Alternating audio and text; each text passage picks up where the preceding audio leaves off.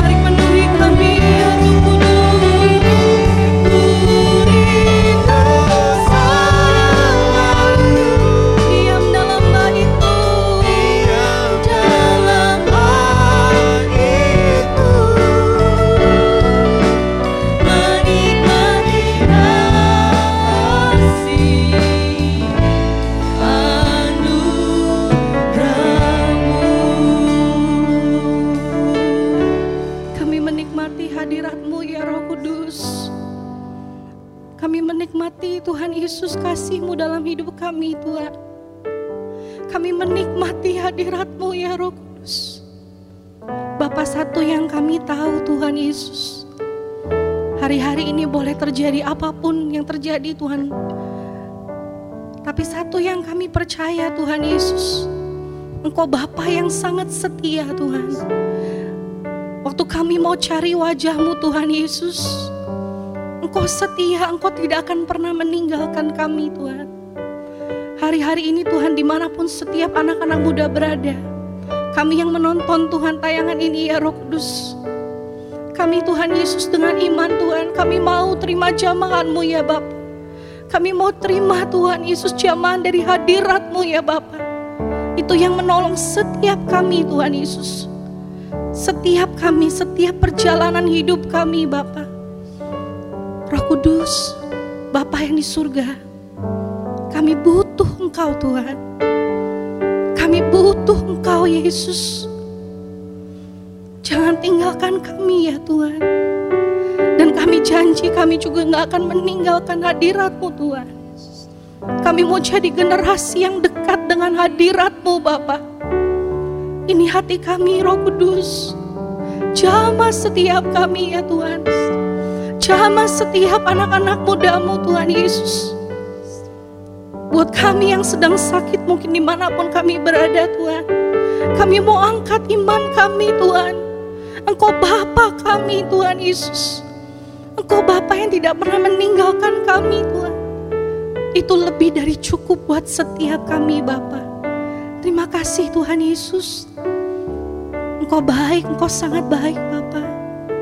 Kami mau dengar firman-Mu Tuhan. Berbicaralah Roh Kudus. Biar firman-Mu itu boleh masuk dalam hati dan roh kami Bapa.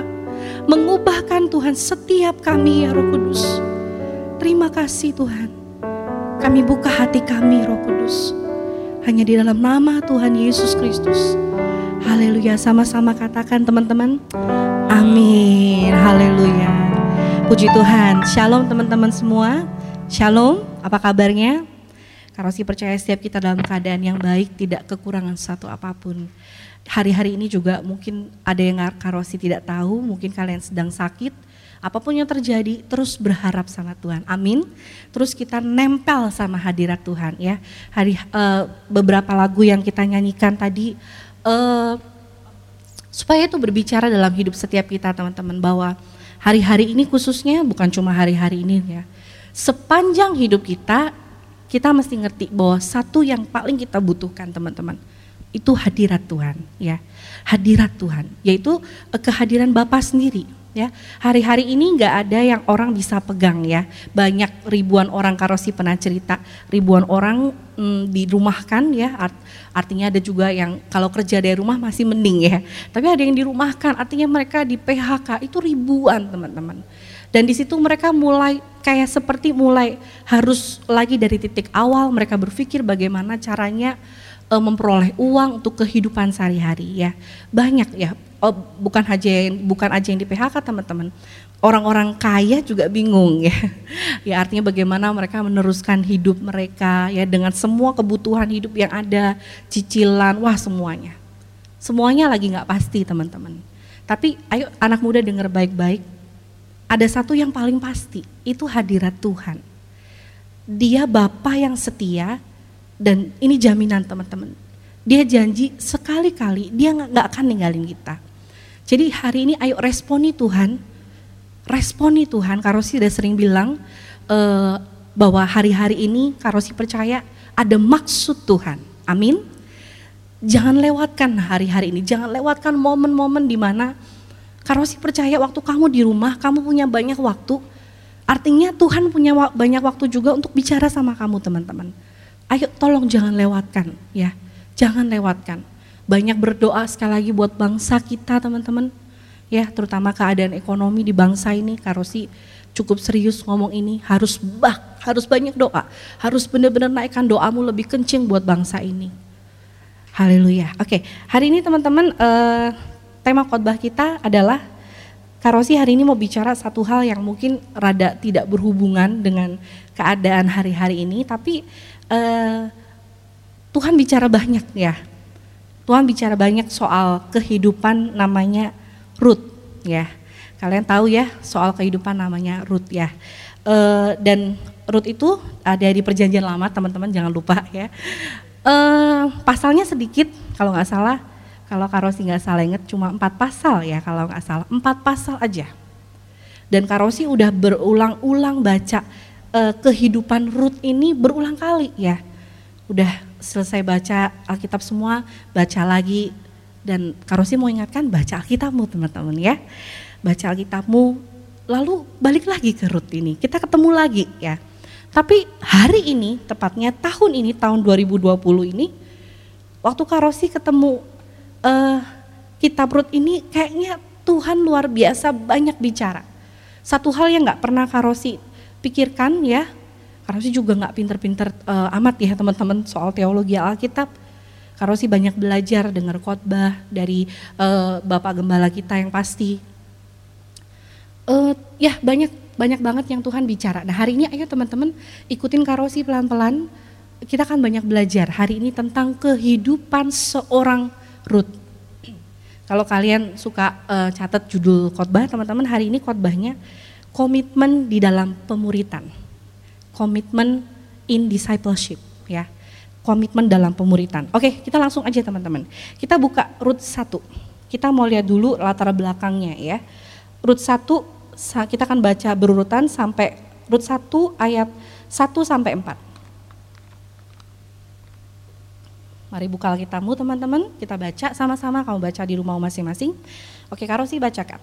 Pada zaman para hakim memerintah, ada kelaparan di tanah Israel. Lalu pergilah seorang dari Bethlehem Yehuda beserta istrinya dan kedua anaknya laki-laki ke daerah Moab untuk menetap di sana sebagai orang asing. Nama orang itu ialah Elimelek, nama istrinya Naomi, dan nama kedua anaknya Mahlon dan uh, Kilion. Semuanya orang-orang Efrata dari Bethlehem Yehuda dan setelah sampai ke daerah Moab, diamlah mereka di sana. Ayat yang ketiga, Kemudian matilah Elimelek suami Naomi sehingga perempuan itu tinggal dengan kedua anaknya. Ayat keempat. Keduanya mengambil perempuan Moab yaitu anak-anak dari ibu Naomi ya teman-teman ya. Mereka mengambil perempuan Moab yang pertama bernama Orpa, yang kedua bernama Ruth. Nah, nama Ruth mulai muncul di sini dan mereka perhatikan baik-baik, boleh digaris bawahi boleh teman-teman. Mereka diam di situ kira-kira 10 tahun lamanya. Sampai sini dulu teman-teman. Singkat cerita ada seorang ibu namanya Ibu Naomi ya. Dia punya suami tentunya tapi suaminya meninggal. Tapi uh, mereka sudah punya dua anak laki-laki ya. Dan anak laki-laki dua-duanya menikah, yang satu ber, uh, nama yang yang satu nama istrinya Orpa, yang satu Ruth ya. Jadi sebenarnya Orpa dan Ruth itu bukan anak kandung dari Ibu Naomi.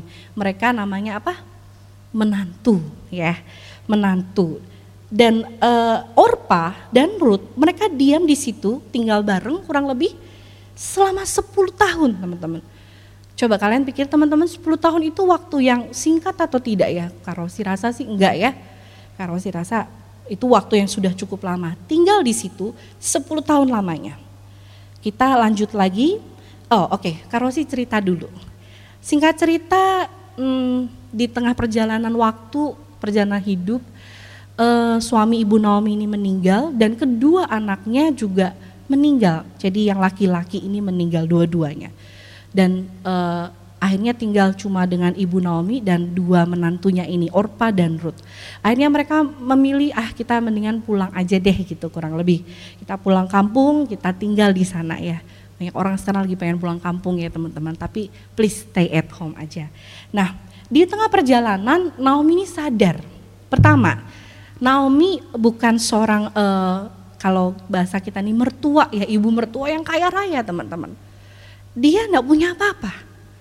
Ya, dia nggak berkelimpangan dengan harta teman-teman. Dia sadar di tengah jalan dia bilang sama menantunya, Orpa, Ruth, sekarang kamu pulang aja ke bangsamu. Ya, kamu udah eh, nggak uh, mungkin kamu nungguin ibu Naomi ini punya anak lagi besar, lalu kawin lagi sama kamu, nggak mungkin ya. Nanti jatuhnya nenek-nenek menikah dengan para cucu gitu ya.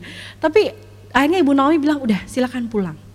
Jalani hidupmu dari awal lagi. Kalau mau cari suami lagi, mari silakan. Ya, dengan bahasa lain, saya membebaskan kalian ya. Ibu Naomi ini membebaskan menantu-menantunya. Nah, kita mulai di sinilah perjalanan itu dimulai. Kita lihat di Rut 1 ayat yang ke-15 teman-teman. Berkatalah Naomi, Rut 1 ayat 15, berkatalah Naomi, telah pulang iparmu kepada bangsanya dan kepada para allahnya, pulanglah mengikuti iparmu itu. Di ayat 15 ini Naomi ngomong sama Ruth teman-teman. Karena dia sudah melepaskan Orpa, Orpa tentu juga penuh sopan santun teman-teman kalau kalian baca. Waktu uh, Naomi bilang tinggalkan, udah tinggalkan ibu nggak apa-apa. Orpa bilang nggak bisa bu, ibu nggak bisa sendirian kurang lebih gitu. Tapi karena akhirnya Orpa memilih, oke okay, saya harus memulai kehidupan yang baru. Dia pulang ke bangsanya dan Naomi bilang sama Ruth telah pulang iparmu yaitu Orpa kepada bangsanya dan kepada para allahnya. Para allahnya di sini kalau kalian perhatikan, Karosi mau coba kalian perhatikan sebentar. Para allahnya di ayat 15 tidak dipakai dengan huruf besar. Artinya bukan Allah kita yang hidup. Ya, pulanglah mengikuti iparmu itu. Naomi bilang sama Ruth, udah ikuti uh, iparmu Orpa ya kamu mulai hidup yang baru. Tapi ini perhatikan teman-teman. Tetapi kata Rut ayat yang ke-16. Janganlah desak aku meninggalkan engkau dan pulang dengan tidak mengikuti engkau. Sebab ke mana engkau pergi, ke situ jugalah aku pergi kata Rut sama Naomi. Di mana engkau bermalam, di situ jugalah aku bermalam. Ini yang paling keren. Tapi ini ayat ini berbicara di kalimat terakhir tahun lalu kurang lebih buat Karosi. Tiba-tiba hari ini semua ayat ini berbicara sama Karosi. Kita yuk belajar sama-sama. Di situ juga aku bermalam, bangsa mula bangsaku, dan apa teman-teman? Allah mula Allahku. Kata Allahmu di ayat yang ke-16 dimulai dengan huruf besar teman-teman. Itu sebagai itu sebagai satu tanda penghormatan. Allah di sini dimaksud adalah Allah kita yang hidup. Ya, Allah Bapa di surga. Ruth bilang, jangan desak aku meninggalkan engkau, Ibu Naomi kurang lebih. Dan pulang dengan tidak mengikut engkau. Sebab ke mana engkau pergi, ke situ jugalah aku pergi. Di mana engkau bermalam, di situ jugalah aku bermalam. Bangsamu bangsaku. Dan apa?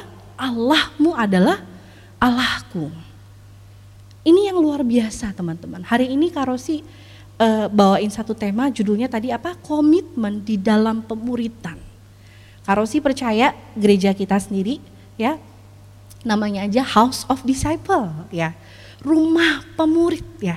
Rumah para pemurid di mana uh, Bapak Gembala kita Bapak Gembala rohani kita Parudi Darmawan sangat menekankan selama bertahun-tahun terakhir ini di mana kita ini harus dimuridkan untuk suatu saat kita memuridkan teman-teman.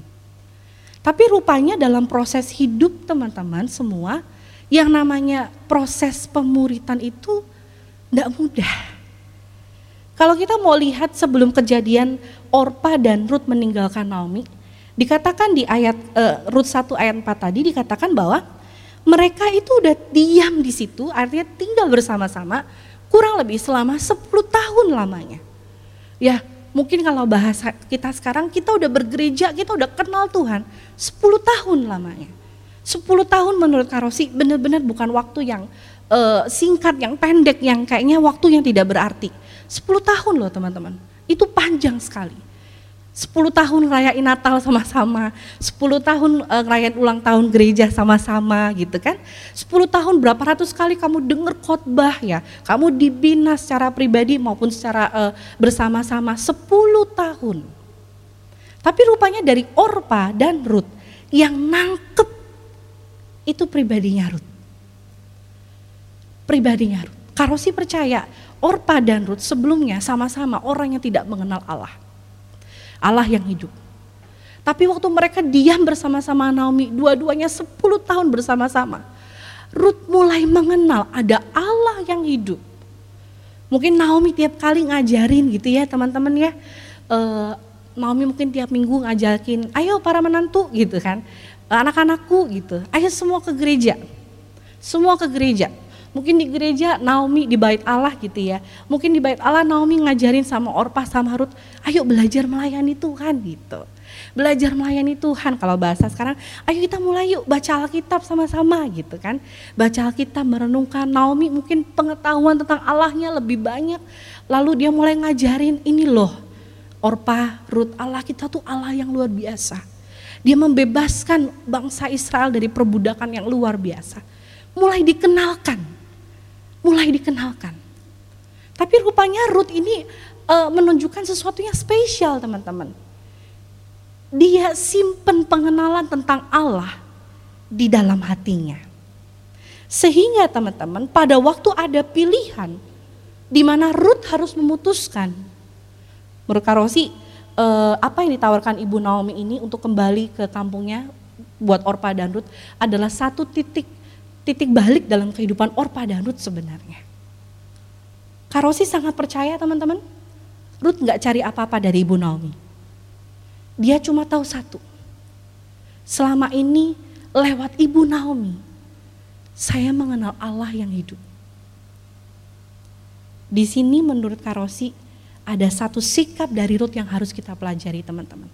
Sikap komitmen dalam memberi hidupnya untuk dimuridkan. Kita belajar perbedaan uh, Ruth dan Orpa. Yang pertama, ada persamaannya, mereka sama-sama ikut Naomi 10 tahun yang tadi Karosi cerita. Uh, Orpa memutuskan kembali kepada Allahnya yang bukan Allah Israel, bukan Allah yang hidup. Tapi Ruth memutuskan tetap ikut Allah yang hidup dengan cara mengikuti kehidupan Ibu Naomi.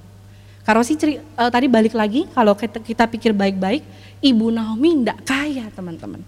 Nggak ada yang bisa kita uh, apa ya kita pegang dari hidup Ibu Naomi. Nanti kalau kalian uh, baca selanjutnya nanti kalian akan tahu sendiri. Ya. Dan yang perbedaan antara Ruth dan Orpa, Ruth sudah tertanam komitmennya. Dia tertanam komitmen untuk di dimuridkan ya karena Karosi lagi bicara soal pemuritan. Teman-teman, yuk sebenarnya apa sih tujuan dari kita dimuridkan? Ya, Karosi ulangi sekali lagi, apa tujuan Tuhan minta kita jadi murid gitu. Minta kita jadi murid. Yuk kita sama-sama belajar. Kita buka dulu di Rut 3 ayat 4 ya. Kita perhatikan baik-baik di Rut 3 ayat yang keempat. Karosi bacakan. Jika ia membaringkan diri tidur, haruslah engkau perhatikan baik-baik tempat ia berbaring Kemudian datanglah dekat-dekat, singkapkanlah selimut dari kakinya dan berbaringlah di sana, maka ia akan memberitahukan kepadamu apa yang harus kau lakukan. Akhirnya singkat cerita teman-teman, mereka udah sampai di tempat yang dituju ya, Ibu Ibu Naomi dan Ruth. Dan uh, singkat cerita mereka ketemu kayak sanak saudara namanya Pak Boas ya. Pak Boas di situ Na Naomi ngajarin bagaimana Ruth ini harus bersikap manis gitu, bersikap sopan gitu sama Pak Boas ini. Karena Ibu Naomi punya satu tujuan untuk seperti menikahkan mereka ya, supaya Ruth ini hidupnya terjamin kurang lebih seperti itu. Nah teman-teman di situ dikatakan, kalau sih nggak bahas detailnya bagaimana, tapi di Ruth 3 ayat 4 ini adalah berbicara soal waktu kita mau dimuridkan teman-teman, dimuridkan artinya kita memberi diri kita pertama sama Tuhan udah pasti komitmen komitmen kita sama Tuhan untuk dimuridkan itu tercermin, tercermin dari komitmen kita dimuridkan dalam satu gereja lokal itu yang pasti satu teman-teman. Lalu oh ternyata kita ketemu mentor rohani, ya kakak rohani. Kita memberi komitmen kita, komitmen yang kuat, yang bulat gitu ya. Dan ternyata salah satu tujuan kenapa Tuhan mau kita hidup dalam pemuritan adalah dengan kamu dimuridkan teman-teman, perhatikan baik-baik, kita sedang berjalan dalam rencana Tuhan. Apa tugas si mentor itu teman-teman? Dia diurapi Tuhan untuk seperti membacakan rencana hidup Tuhan dalam hidup kita semua. Kita tidak bisa hidup sendiri teman-teman dan Karosi dari tadi pengen bilang satu hal gini, dalam masa pandemi corona ini kita nggak pernah kita nggak bisa ketemu satu sama lain ya. Kita nggak bisa hari minggu ketemu uh, bapak rohani kita ketemu keluarga rohani kita. Tapi bukan berarti kehidupan pemuritan itu berhenti. Justru ayo ingat lagi di belakang sana. Ingat lagi di belakang sana. Bagaimana kita sudah memulai perjalanan rohani dalam hal pemuritan ini. Jangan sampai karena ada satu hal, Karosi percaya yang namanya ditinggalkan suami ya teman-teman, si Orpa dan Ruth ini pasti nggak nyaman. Mereka bingung gitu ya kurang lebih. Ada satu goncangan hidup kurang lebih. Tapi ini yang kita belajar dari pribadi Ruth dia pribadi yang radikal mengejar, mengejar destininya. Karena selama 10 tahun hidup dengan Naomi, mengenal Tuhan Yesus, dia tahu teman-teman, bahwa ternyata hidupnya ini berharga. Hidupnya punya tujuan hidup dari Tuhan. Oh ternyata Tuhan yang aku sembah itu punya tujuan hidup buat hidupku. Jadi dia komitmen, oke, okay, apa pun yang terjadi, gue gak akan ninggalin Tuhan yang hidup itu. Dia yang punya rencana hidup, dia yang punya pegang hidupku. Dia yang pencipta langit dan bumi. Ruth sangat mengenal siapa Allahnya Ibu Naomi. Makanya dia dengan tegas dia bilang sama Ibu Naomi, bangsamu bangsaku, Allahmu adalah Allahku. Dia gak tergoyahkan. Secara karosi ulang lagi, secara jasmani, Ruth gak bisa berharap apa-apa sama Ibu Naomi dia nggak kaya, dia nggak punya emas gitu ya. Mending kalau punya emas bisa buka toko jualan emas teman-teman. Tapi dia nggak punya apa-apa. Makanya Ibu Naomi dengan hikmat kalau si percaya di sini rencana Tuhan lagi terjadi. Nanti kita lihat golnya. Dia ajarin Ruth bagaimana bersikap manis sama Pak Boas ini. Oke, yang pertama tadi apa teman-teman? Dengan kamu dimuridkan, kamu sedang berjalan Katakan berjalan teman-teman. Berjalan dalam apa? Rencana Tuhan. Bukan rencana mentormu. Bapak rohani kita, mentor kita hanya diurapi, dipakai Tuhan. Untuk menolong kita semua. Ya, oke kita lanjut lagi. Teman-teman, tadi yang Karosi balik dulu. Ruth mulai ngerti apa arti hidupnya di dalam Tuhan. Teman-teman dalam masa pandemi ini, kita banyak di rumah, ayo renungin sedikit apa sih menurut kamu nih arti hidupmu ini? Kalau ada yang merasa selama ini kok kayaknya saya hidup hampa ya, kosong lah kayaknya boring banget begini begini ya mungkin uh, ya teman-teman pacaran putus lagi pacaran putus lagi apakah hidup aku hanya untuk putus nyambung putus nyambung kayak lagu gitu kan itu bukan Karosi mau bilang atau apa pun pekerjaan oh kayaknya pekerjaan nggak pernah berhasil uh, Karosi kayaknya pekerjaan gagal terus Karosi mau bilang dari tempat ini teman-teman, itu bukan tujuan hidupmu. Tuhan tidak pernah merancang hidupmu. Dia sudah punya blueprint atas hidupmu. Kau hanya perlu seperti Ruth, punya komitmen untuk ikut Tuhan. Tadi lagunya pas banget. Mengiringmu, apa? Seumur hidupku masuk dalam rencanamu Bapa. Ingat teman-teman, Bapak punya rencana atas hidupmu. Karosi nggak mau, Karosi dari tempat ini cuma mau ingetin kalian. Dalam masa pandemi ini juga di rumah aja, nggak jelas mungkin ya. Ingat rencana Tuhan tetap berlaku teman-teman. Oke, yang kedua. Apa tujuan Tuhan minta kita mau dimuridkan? Artinya minta kita menjadi murid itu ya. Yang kedua adalah dimuridkan adalah jalan atau seperti jalan seperti ya alat gitu ya dari uh, adalah jalan bagi kita supaya kita ini bisa menggenapi rencana Tuhan dalam hidup kita. Yang pertama tadi, dengan kamu dimuridkan, kamu bisa berjalan, oke? Okay? Yang kedua, dengan kamu dimuridkan, kamu bisa menggenapi rencana Tuhan dalam hidupmu. Apa ya rencana Tuhan buat Ruth ini? Uh, wanita yang sederhana sekali. Apa sebenarnya rencana Tuhan? Kita buka di Rut 4 ayat yang ke-13 indah. Ini indah kitab terakhir dari Rut ya. Karosi bacakan uh, Rut 4 ayat 13, habis itu Karosi loncat ke Rut 4 ayat 17. Lalu Boas mengambil Rut dan perempuan itu menjadi apa? Istrinya teman-teman. Boas ini kaya raya ya teman-teman ya. Dan dihampirilah dia, maka atas karunia Tuhan, perempuan itu yaitu Rut itu mengandung lalu melahirkan seorang anak laki-laki. Oh biasa aja karosi namanya orang merit gitu kan, e, biasa punya anak. Tapi perhatikan baik-baik, ayat 17. Rut 4 ayat 17. dan tetangga-tetangga perempuan memberi nama kepada anak itu katanya, pada Naomi telah lahir seorang anak laki-laki, lalu mereka menyebutkannya namanya siapa? Obed. Siapa Obed? Dialah ayah Isai. Siapa Isai? Isai adalah ayah Daud. Dan dari keturunan Daud itu kalau kita baca di Matius 1, Matius 1 dimulai dari apa teman-teman? Silsilah Yesus Kristus lahir. Di situ ada keturunan Daud, yaitu Yesus. Yesus sering dipanggil ya, Yesus anak siapa? Anak Daud. Karena sih percaya teman-teman, Tuhan taruh kitab Rut di tengah-tengah Alkitab kita yang super tebel itu bukan buat iseng-iseng teman-teman. Cuma empat pasal. Tapi dari empat pasal ini Tuhan mau cerita satu hal yang luar biasa. Dari kesederhanaan Ruth. Tentu tidak sederhana, di dalamnya dia punya komitmen yang bulat teman-teman. Dia mau dimuridkan, dia mau diarahkan, dia mau terus terima kebenaran firman Tuhan. Karena si percaya dalam perjalanan Ruth tidak sempurna, pasti ngelakuin banyak kesalahan teman-teman. Tapi dia terus nempel sama uh, Ibu Naomi sebagai mungkin cara dia nggak sadar mentor rohaninya yang terus mengarahkan nih, Ruth kamu begini ya sama Pak Boas. Nanti suatu saat akhirnya kamu harus begini-begini dan suatu saat benar.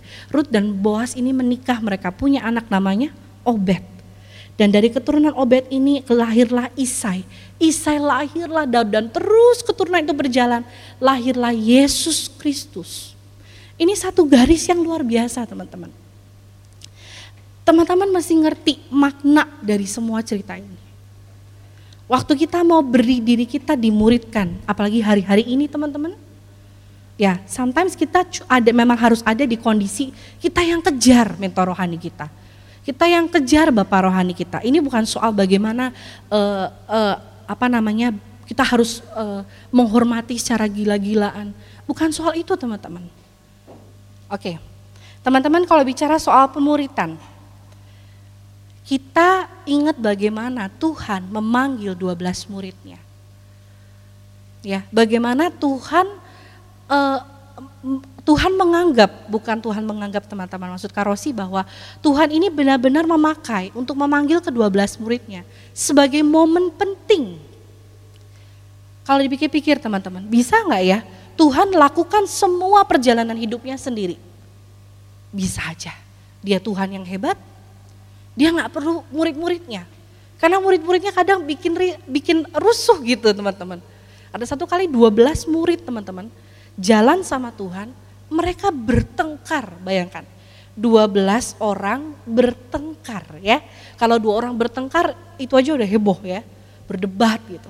Ini 12 orang bertengkar soal memperdebatkan soal siapa yang terbesar di antara mereka.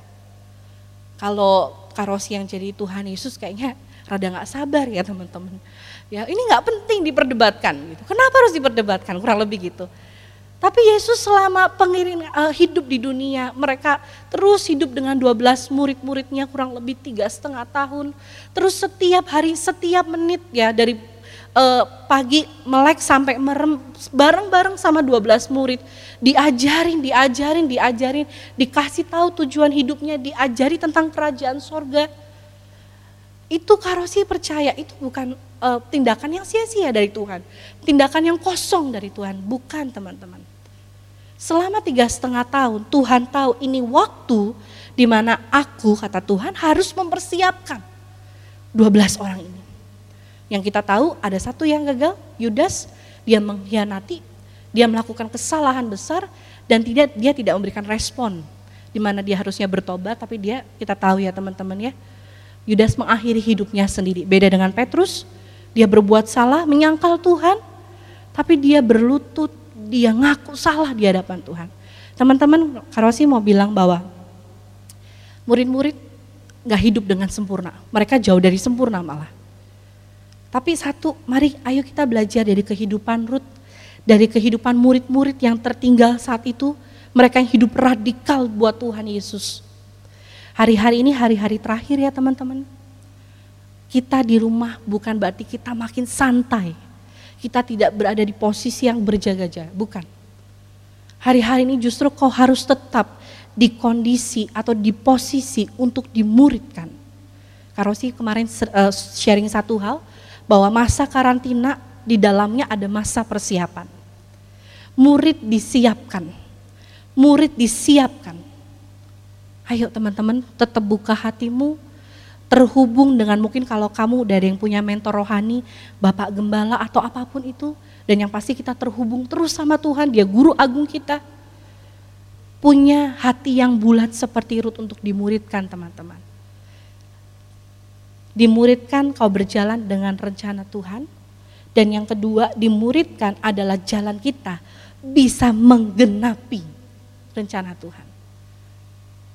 Dan teman-teman Karosi mau bilang satu hal gini, untuk dimuridkan kau harus punya hati yang rendah hati.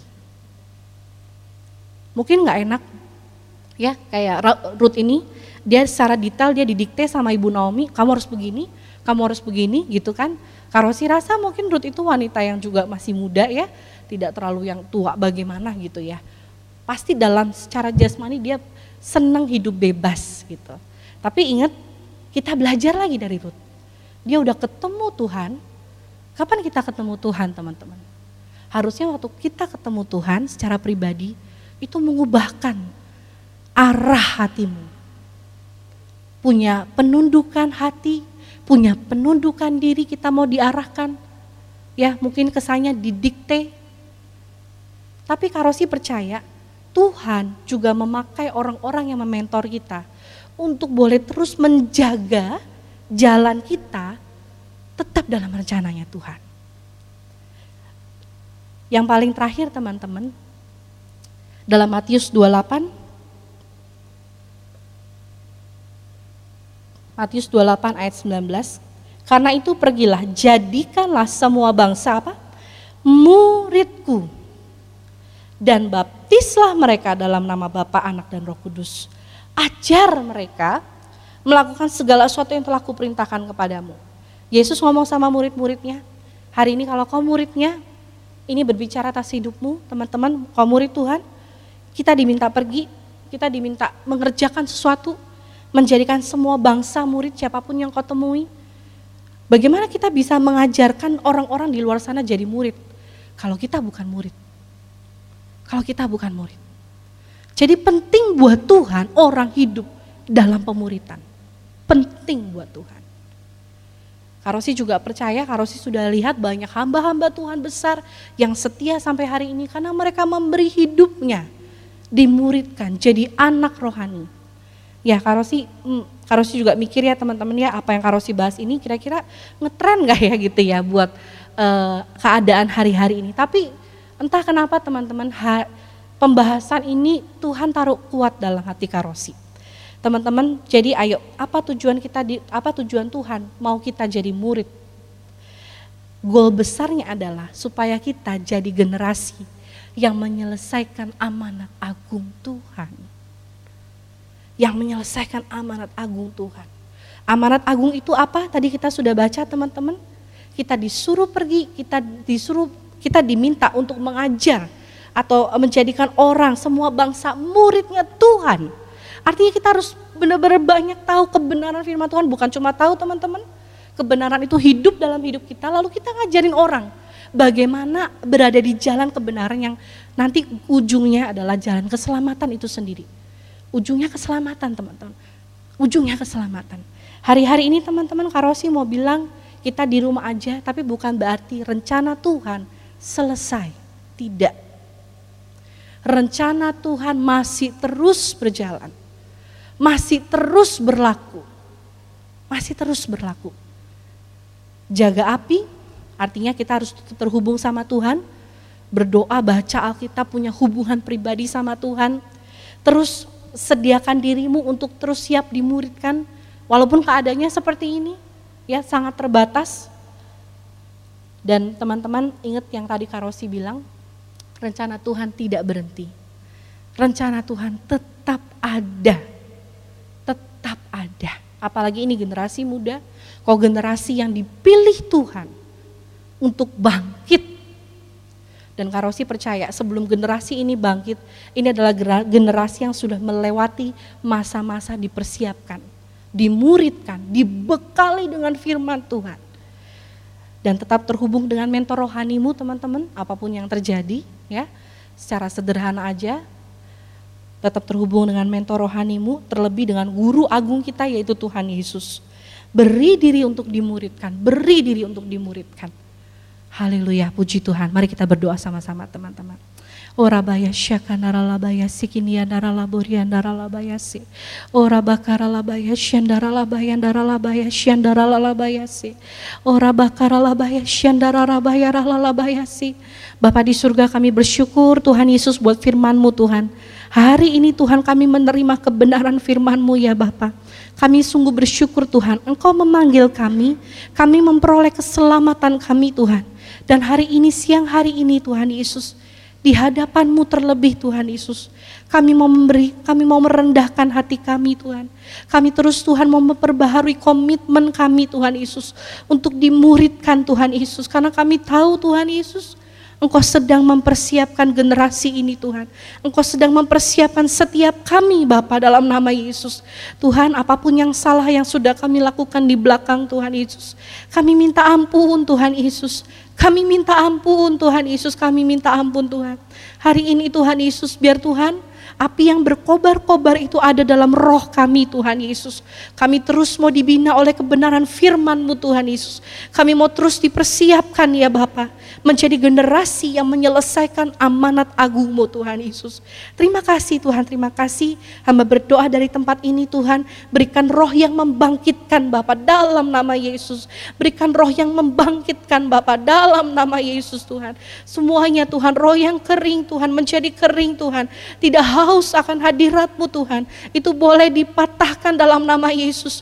Dan Tuhan kau membangkitkan roh yang membangkitkan Tuhan, rasa kehausan, lapar akan hadiratmu Tuhan. Buat generasi anak-anak muda di tempat ini Bapak, bahkan di mana pun Tuhan yang mendengar Tuhan tayangan ini Bapak. Terima kasih Bapak di surga, Hari ini kami mau terus angkat kedua tangan kami Tuhan. Kami berdoa buat bangsa kami Tuhan Indonesia. Kami minta Tuhan anugerahmu. Kami minta belas kasihanmu buat bangsa kami Tuhan. Lawat Tuhan, tolong Tuhan Yesus. Kami butuh anugerahmu ya Bapak buat bangsa kami Tuhan. Pemerintah di bangsa ini juga engkau menolong Yesus Tuhan. Dalam semua situasi yang ada Tuhan kami percaya tanganmu tidak pernah meninggalkan Bapak. Berkati Tuhan orang tua kami, kami sayang sama mereka Tuhan. Berikan mereka kesehatan, perlindungan, damai sejahtera, sukacita berlimpah-limpah Tuhan. Semua Tuhan teman-teman kami, keluarga rohani kami, Tuhan berkati Bapak, tutup bungkus yang sedang sakit Tuhan. Kami minta dengan sehati Bapak, biar roh kudus yang menjamah, menyembuhkan oleh bilur-bilurmu Tuhan Yesus, dalam nama Yesus. Terima kasih Tuhan, kami juga mau terus topang Tuhan, buat pemimpin rohani kami, men mentor rohani kami Tuhan Yesus. Beri kekuatan senantiasa Tuhan, beri perlindunganmu ya Bapak. Terima kasih Bapak kami yang di surga. Biar firmanmu ini menjadi benih yang kuat Tuhan. Yang tinggal di dalam hati kami Tuhan Yesus. Mengubahkan hidup kami Tuhan. Karena kami tahu Tuhan, waktu kami tinggal di dalam rencanamu Tuhan Yesus, ada sesuatu hal yang sedang kau sediakan dan itu besar dan luar biasa Tuhan. Hadiratmu Tuhan, cukup buat setiap kami Bapak. Terima kasih Bapak di surga. Mari teman-teman angkat kedua tanganmu. Mari dengan imanmu, terimalah berkat segala anugerah karunia dari Allah Bapa dalam anaknya tunggal Tuhan Yesus Kristus dengan persekutuannya manis dengan roh kudus dari saat ini sampai Tuhan Yesus Raja yang kekal itu datang kedua kalinya menjemput kita semua di awan-awan yang permai sebentar lagi karena dia mendapati kita setia kudus menantikan Tuhan. Mari yang sudah terima berkat dengan imanmu sama-sama katakan amin. Tuhan Yesus berkati teman-teman. God bless.